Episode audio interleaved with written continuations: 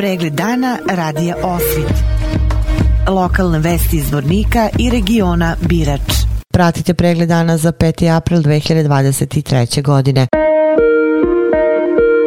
U Zvorniku je održana regionalna radionica na temu uspostavljanja sistema socijalnog stanovanja u organizaciji Republičkog sekretarijata za raseljene lica i migracije i misije OSCE u Bosni i Hercegovini. Predstavnici grada Zvornika, opštine Višegrad, Srebrenica, Bratunac, Vlasenica i Osmaci razgovarali su o eventualnim izmenama i dopunama lokalnih pravilnika za dodelu stambenih jedinica i o budućoj realizaciji javnih poziva u oblasti socijalnog stanovanja. Socijalno stanovanje u Republici Srpskoj je deo stambenih namere politike Republike Srpske, kojim se na sistematski način obezbeđuju uslovi za rešavanje stambenog pitanja svim fizičkim licima koja iz različitih, a prvenstveno ekonomskih, socijalnih i zdravstvenih razloga nisu u mogućnosti da to samostalno uradi na tržištu.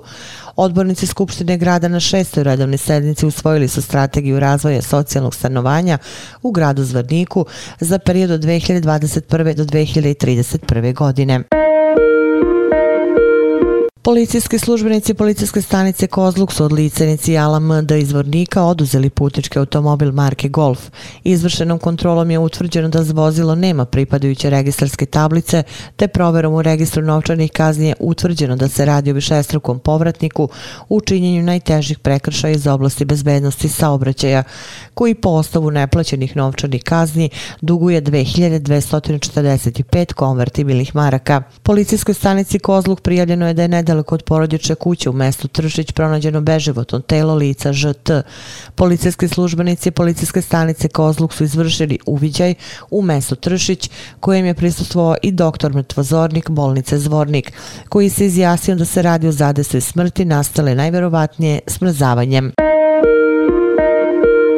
Grad Zvornik raspisao javne pozive za sufinansiranje omladinskih programa i projekata i za sufinansiranje programa i projekata udruženja građana i fondacija, zašto je u gradskom budžetu planirano ukupno 60.000 konvertibilnih maraka. Konačnu odluku o programima i projektima koji će biti sufinansirani iz gradskog budžeta donosit će gradonačelnik.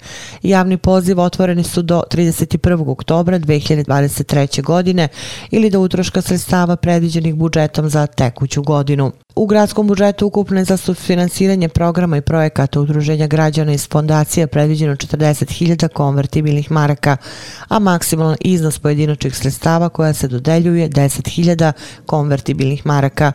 Za sufinansiranje omladinskih programa i projekata planirano je 20.000 konvertibilnih maraka, dok je maksimalan iznos pojedinačnih sredstava 5.000 konvertibilnih maraka.